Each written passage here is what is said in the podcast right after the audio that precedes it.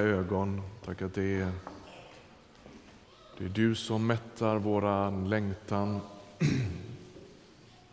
Det är du som släcker våran törst. Det är du som rör vid oss till förvandling. Tack vi får vända oss till dig, se dig, röras av dig, sättas i rörelse av dig. Tack att vi får hålla vår blick vid dig, du som är tillvarons verkligaste verklighet. Amen.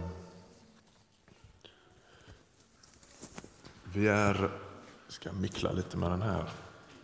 Vi är, står precis och ska börja en predikoserie som vi har kallat för Lyxfällan.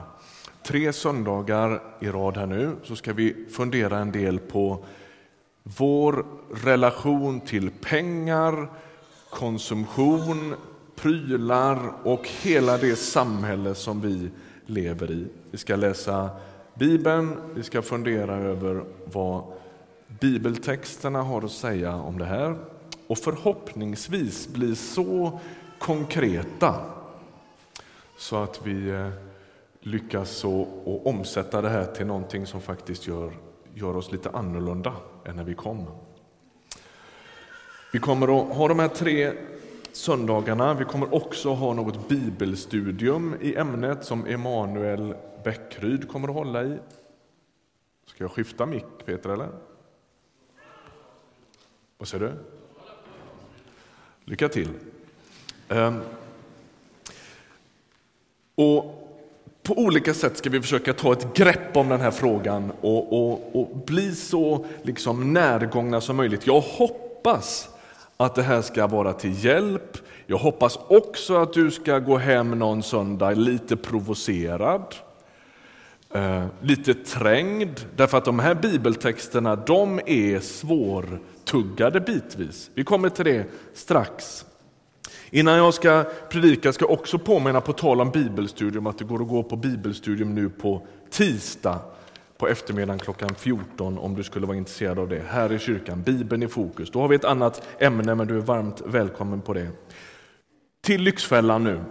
Det här med habegär och grejer och pengar, det är ju ingen ny sak. Det har ju människan liksom suktat efter i alla tider. Men det som är lite speciellt, det är att det har aldrig sett ut riktigt som det gör idag. Det, den fullständigt massiva uppmuntran till habegär som finns i vår kultur, den är ju i någon mening unik. Det måste man säga. Eh, och, och man kan också säga att konsumismen, den är extremt offensiv. Alltså Reklammakare exempelvis skyr ju inga som helst medel för att få dig och mig att köpa grejer. Jag vet inte om du har funderat över varför det sitter sådana här ibladade annonsblad i morgontidningen. Men det är ju självklart för att den som har skrivit reklam nej tack på sin brevlåda ändå ska få det. Eller hur?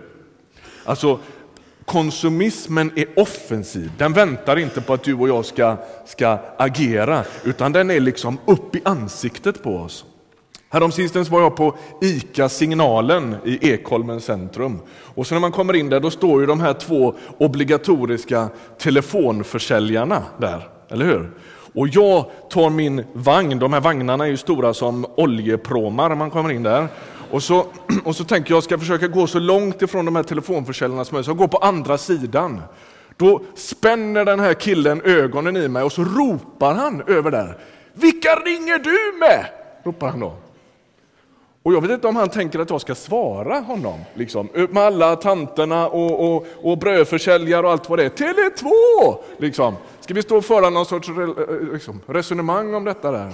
Alltså, de väntar inte på att vi ska... Jag, jag tänker ofta när jag är inne där, ja, men jag vet ju var de finns. Den dagen jag behöver prata med dem så går jag ju dit. Men så funkar inte konsumism, utan den är up in the face. Så är det. Eh, Telefonförsäljarna ringer och erbjuder en det ena, en det andra. Och gång efter annan när man säger, Åh, men det där låter ju tjusigt, kan jag få lite betänketid? Kan du skicka hem eh, lite, lite underlag så att jag kan tänka till? På, nej, nej, nej, nej, du måste bestämma dig nu. Nu, nu. Ingen, ingen betänksamhet, ingen eftertänksamhet, nu. Och så funkar det ju, så, så lever vi, så ser våran värld ut. Och så uppstår program som programmet Lyxfällan på tv, som är en sorts självklar konsekvens av hela ett, ett, ett helt sånt samhälle. Hur många har sett på Lyxfällan någon gång på tv? Värst får ni kolla mycket på tv.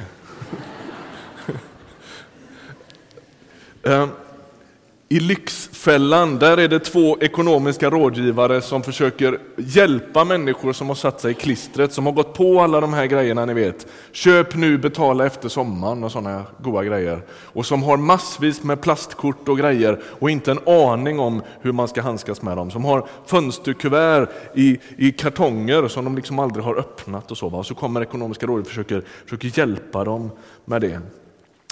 Och det är liksom fonden på något sätt. Den verkligheten lever du och jag i. Och den påverkar självklart oss på ett eller annat sätt. Eh, det som är intressant är att den kristna kyrkan i den här frågan, precis som i väldigt många andra, liksom har rört sig från dike till dike på något sätt. Och i vår tid så har ju den västerländska kyrkan, hävdar jag, Eh, pratat om pengar och ägodelar på ett alldeles för okritiskt sätt. Vi har, allt, vi har talat om det som en Guds välsignelse, vilket det förvisso kan vara. Men vi har väldigt lite pratat om det som en frestelse. Låt oss bara snabbt ögna några bibeltexter från Nya testamentet. Ve er som är rika, står det i Lukas 6. Ni kan inte tjäna både Gud och mammon. Samla inte skatter här på jorden. Det är lättare för en kamel att komma igenom ett nålsöga än för en rik att komma in i Guds rike.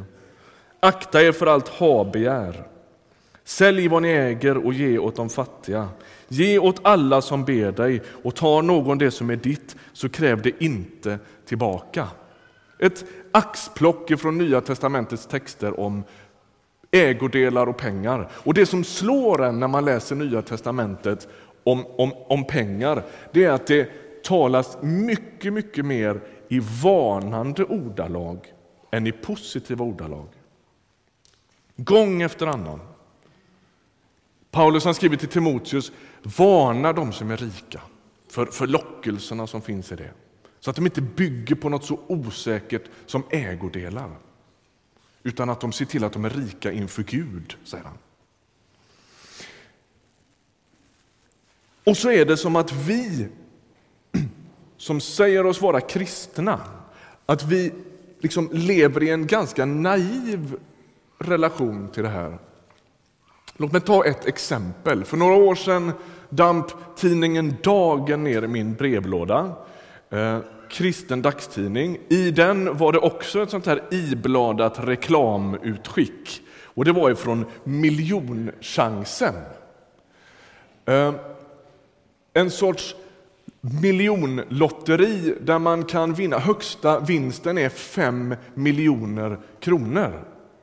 Och I det där utskicket, i den kristna dagstidningen Dagen, så finns det den lilla vita rutan, den är lite svår att se. Där står det om jag vann skulle jag köpa, står det där. Och då står det en västkustvilla, 1,7 miljoner.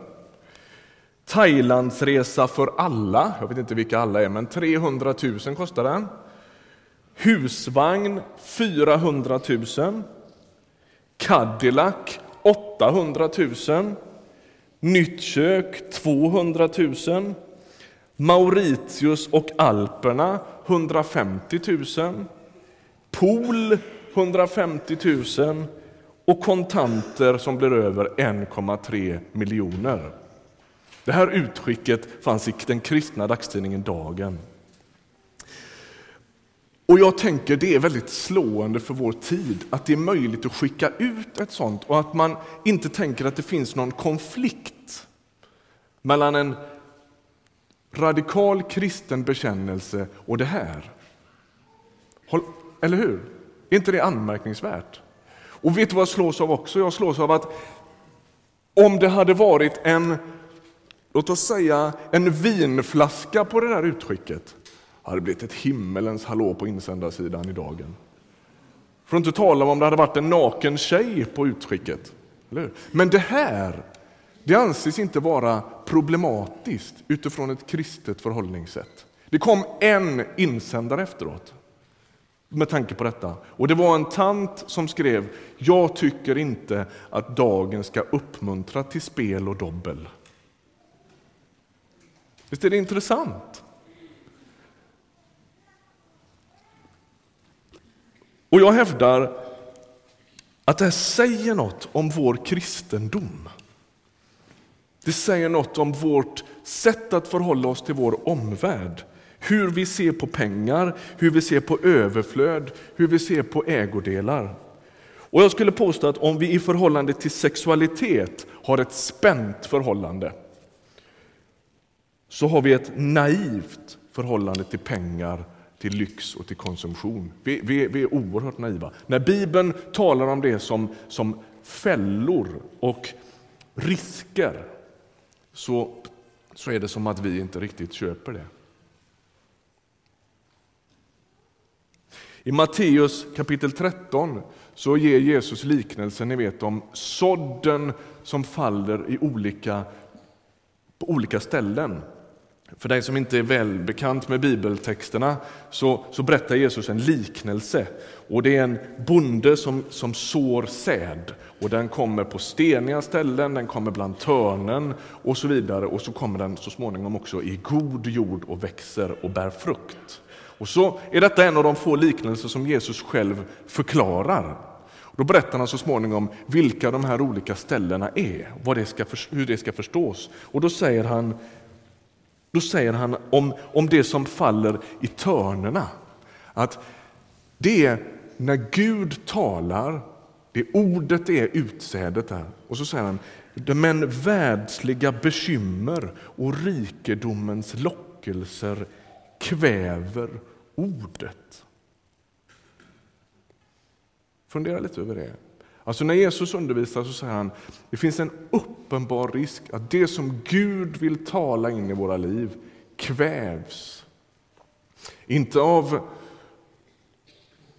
liksom, det som vi skulle skriva på det där kontot med liksom, synd. Va? Att supa skallen av sig och leva i, i sus och dus, utan av rikedomens lockelser. Intressant. Det är som om han höjer ett varningens finger. Man kan inte förhålla sig hur som helst till penningen.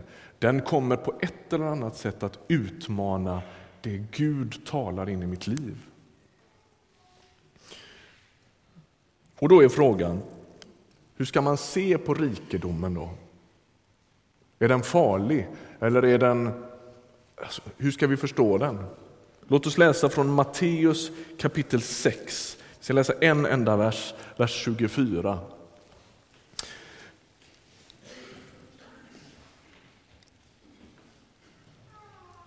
Ingen kan tjäna två herrar. Antingen kommer han att hata den ene och älska den andra eller att hålla fast vid den ene och inte bry sig om den andra. Ni kan inte tjäna både Gud och mammon, säger han. Och så är det som att när Jesus ska tala och beskriva pengar och penningens makt så ger han den ett namn.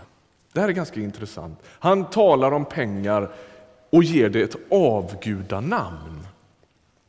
Det är som att han personifierar pengarna och ger dem ett avgudanamn just av det enkla skälet att de äger en avguds egenskaper.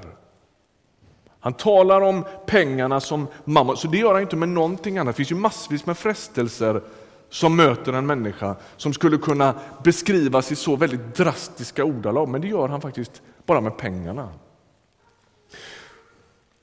Och så är han tydlig. Han säger pengarna är inte neutrala.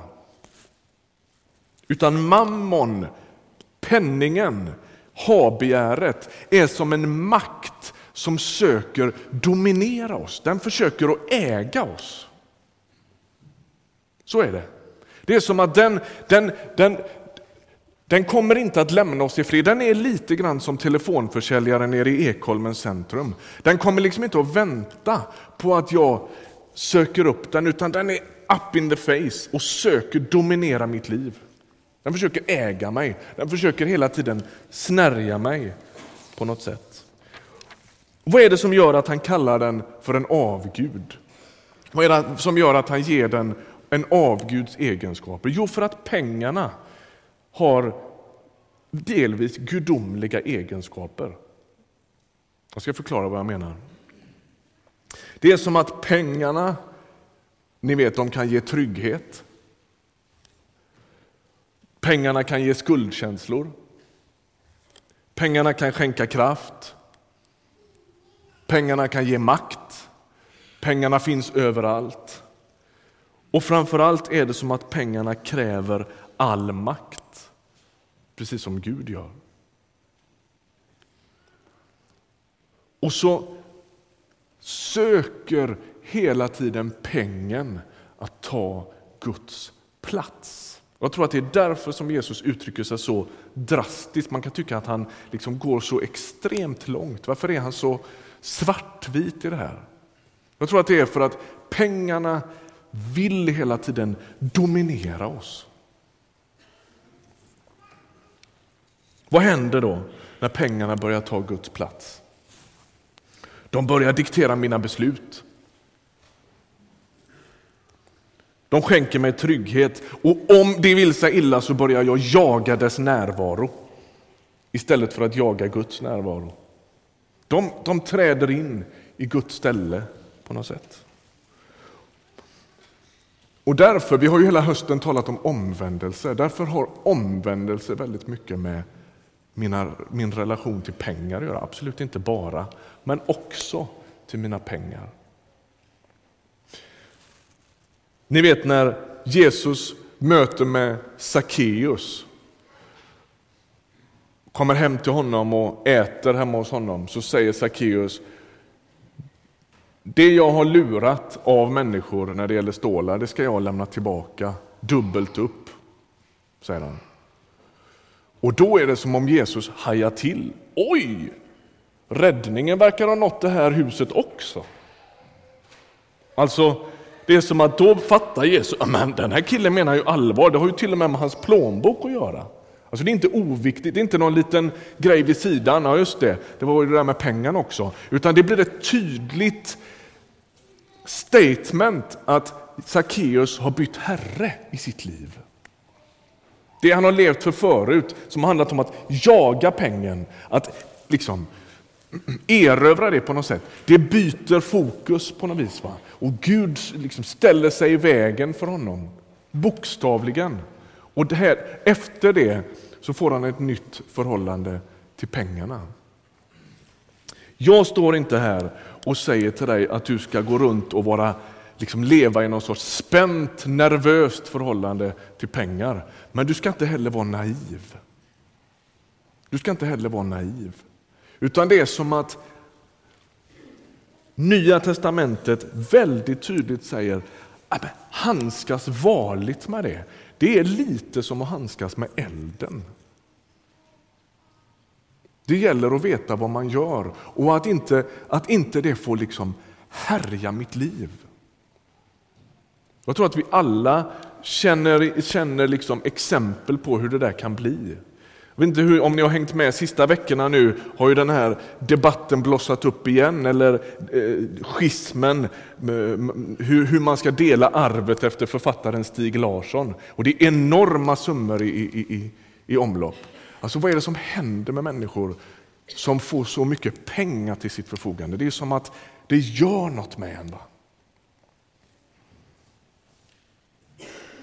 En författare som heter Richard Foster han har skrivit en bok som heter Pengar, sex och makt. Eh, det blir dagens boktips. Läs gärna den boken om du har möjlighet. Det är en fantastisk bok. Han säger så här. Vi lever, rör oss och andas i Gud, inte i ting. Det känns viktigt att få liksom slå fast det i Ryttargårdskyrkan idag. Vi lever, rör oss och andas i Gud, inte i grejer. Han är den enda som är oumbärlig. Reklamen får dig alltid att tro att allt är oumbärligt. Eller hur? Soppor och strumpor och datorer och nya köksluckor och bilar och menar, allt det där. Va? Vi lever, rör oss och andas i Gud, inte i de där grejerna. Då är frågan, hur håller man mammon i schack i sitt liv? Försöka bli lite konkreta här. Ja, det första är att jag tror att vi gör väl i att öva oss i tacksamhet. Jag tror att man kan träna på det. Det har vi ju pratat om innan här i förkunnelsen. Att man kan öva sig i att vara tacksam. Man kan odla sin tacksamhet. Det blir som en sorts uppkäftig motkultur mot, mot hela det här som vi har tecknat nu.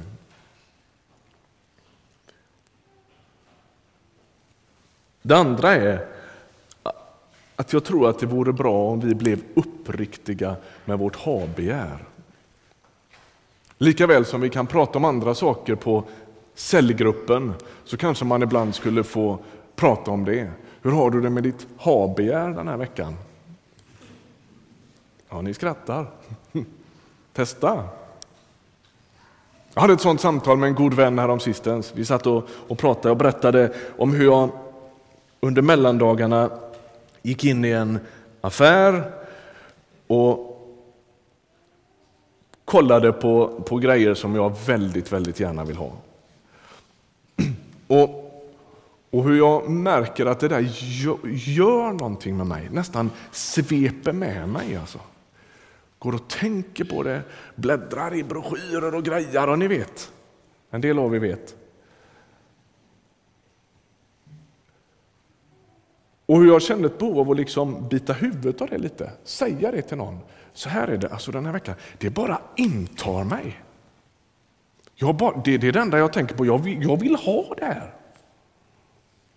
Och hur det finns en sorts befrielse i att kalla det vid sitt rätta namn, precis som alla andra frestelser. En del av er ser grymt skeptiska ut nu. Men jag skulle uppmuntra dig till det. Alltså, var uppriktig med det. Bekänn ditt habegär. Om du är som jag så finns det väldigt mycket att bekänna. Jag satt med en god vän för eh, ganska många år sedan eh, hemma vid hans köksbord och så ojade vi oss över att våra ganska unga barn eh, ville ha så mycket grejer. De bara tjatar om att de ska ha mobiltelefon och allt vad de ska ha. Och så satt vi och konstaterade där att det är inte så svårt att förstå var det kommer ifrån. Därför att nu har ju du och jag suttit här vid köksbordet och pratat om precis de sakerna i en timme.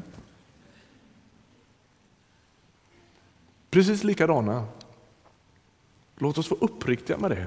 Det är inte så enkelt att leva i den liksom, massiva stormen och att fatta liksom, kloka, genomtänkta beslut. Låt oss vara uppriktiga med det. Jag tror också att det vore ganska nyttigt för oss att få avstå ibland.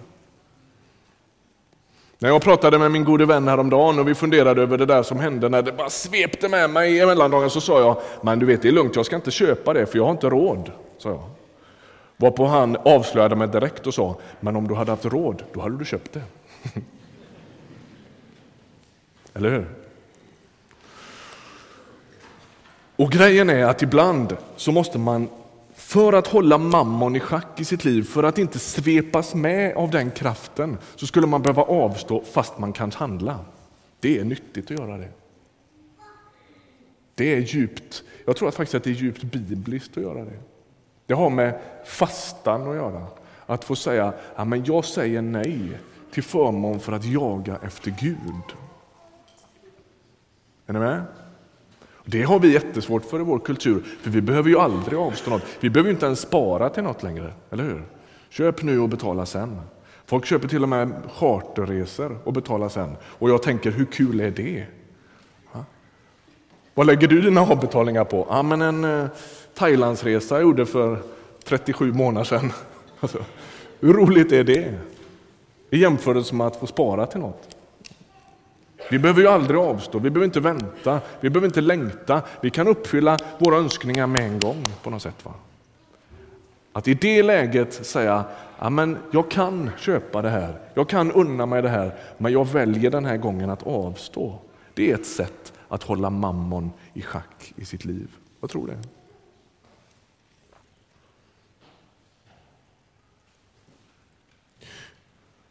Jag är snart i mål nu. Betrakta inte pengar och ägodelar som heliga. Och då säger du, men det är väl ingen människa som gör? Jo, det tror jag. Det tror jag.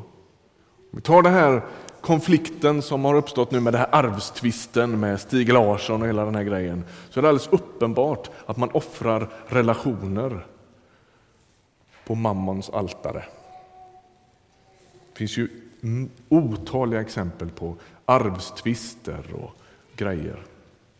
Reportage då och då i tidningen om vad som händer med människor som, som, som vinner miljonbelopp på Lotto. De säger den dagen förstörde mitt liv.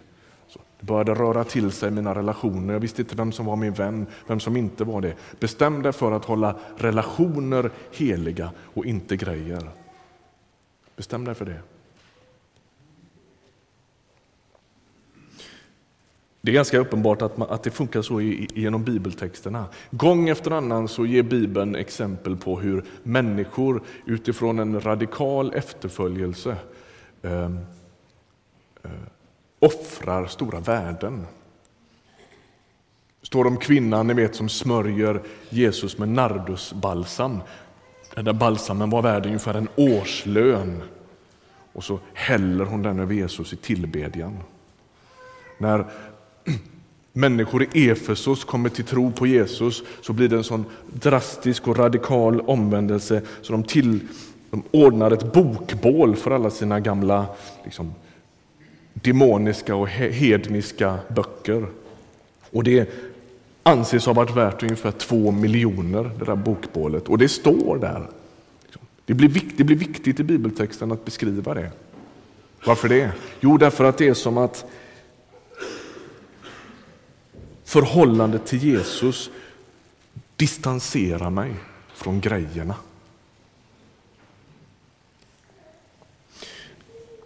Till sist, knäck pengarnas makt på bästa möjliga vis.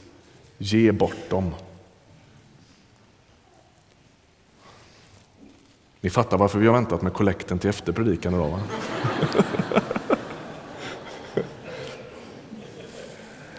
Eh, det är faktiskt så att jag, jag, tror inte det finns något effektivare sätt att utmana girigheten i sitt eget hjärta än att bli generös. Jag hörde en historia, kanske har berättat den förut, men jag hörde en historia om en, en två pastorer som möttes, eh, träffades under en hel helg och den ene pastorn han, hade sån, han var så noga med att få vara den som bjöd på allt. Eh, jag ska bjuda dig på lunchen, jag ska bjuda dig på det, jag ska bjuda dig på det. Och den andra han blev lite galen till sist och sa, men kan inte jag få bjuda? Är du så stolt så du inte kan ta emot? Och då så svarade den första så här, ja men så här är det, jag, jag, det, det finns ett drag i min familj av missunnsamhet och snålhet. Och det försöker jag bryta. Därför vill jag vara den som bjuder hela helgen. Och Det där, vet du, det är klokt. Det är klokt. Att leva så medveten om vad det är som rör sig i mitt hjärta och liksom försöka utmana det genom att faktiskt bli generös. Givandet är nämligen med och förintar girighetens demon. Det vågade givandet korsfäster girigbuken som bor inom alla oss som är här. En nationalekonom har sagt så här en gång. Pengar hör så intimt samman med sin ägare att man inte kan hålla på och ge bort dem utan att ge av sig själv. Alltså, försök att vända på det där jag vet, jag vet med mig att det sitter människor här inne som kämpar för att få sin tillvaro att gå ihop. Som inte känner igen sig i västkustvillor och husvagnar och resor och grejer utan som har fullt sjå att få tillvaron att gå ihop. Jag är helt med på det. Men alldeles oavsett vilka vi är så tror jag att det här måste vi i någon mening förhålla oss till. Och Jag skulle vilja utmana dig att, att, att leva ett, med, ett medvetet liv i de här frågorna. Alldeles oavsett om du är 15 år eller om du är 70 år. Alldeles oavsett om du har en massa pengar att röra dig med eller inte. Lev ett medvetet liv när det gäller de här grejerna. Under ett antal år så arbetade jag och min fru ideellt och arbetade med andra människor som heller ingen lön hade. Men det är, ju, det är ingen garanti. Utan vi gick runt där och längtade efter en massa grejer som inte vi hade. Alltså, det här är ingen plånboksfråga i första hand, det är en hjärtefråga. Det handlar inte om om du har mycket eller om du har lite. Knäck pengarnas makt på bästa möjliga vis. Börja ge. Börja ge. Med den här serien så kommer vi att fortsätta. Nästa vecka kommer Elinor att predika utifrån texten om den rike mannen och ladorna som står i Lukas evangeliet. Och om två veckor ska vi fortsätta att fundera lite mer konkret över hur man ger utifrån en bibeltext i Andra Korintierbrevet. Ska vi be en bön? Herre, tack för att du är här.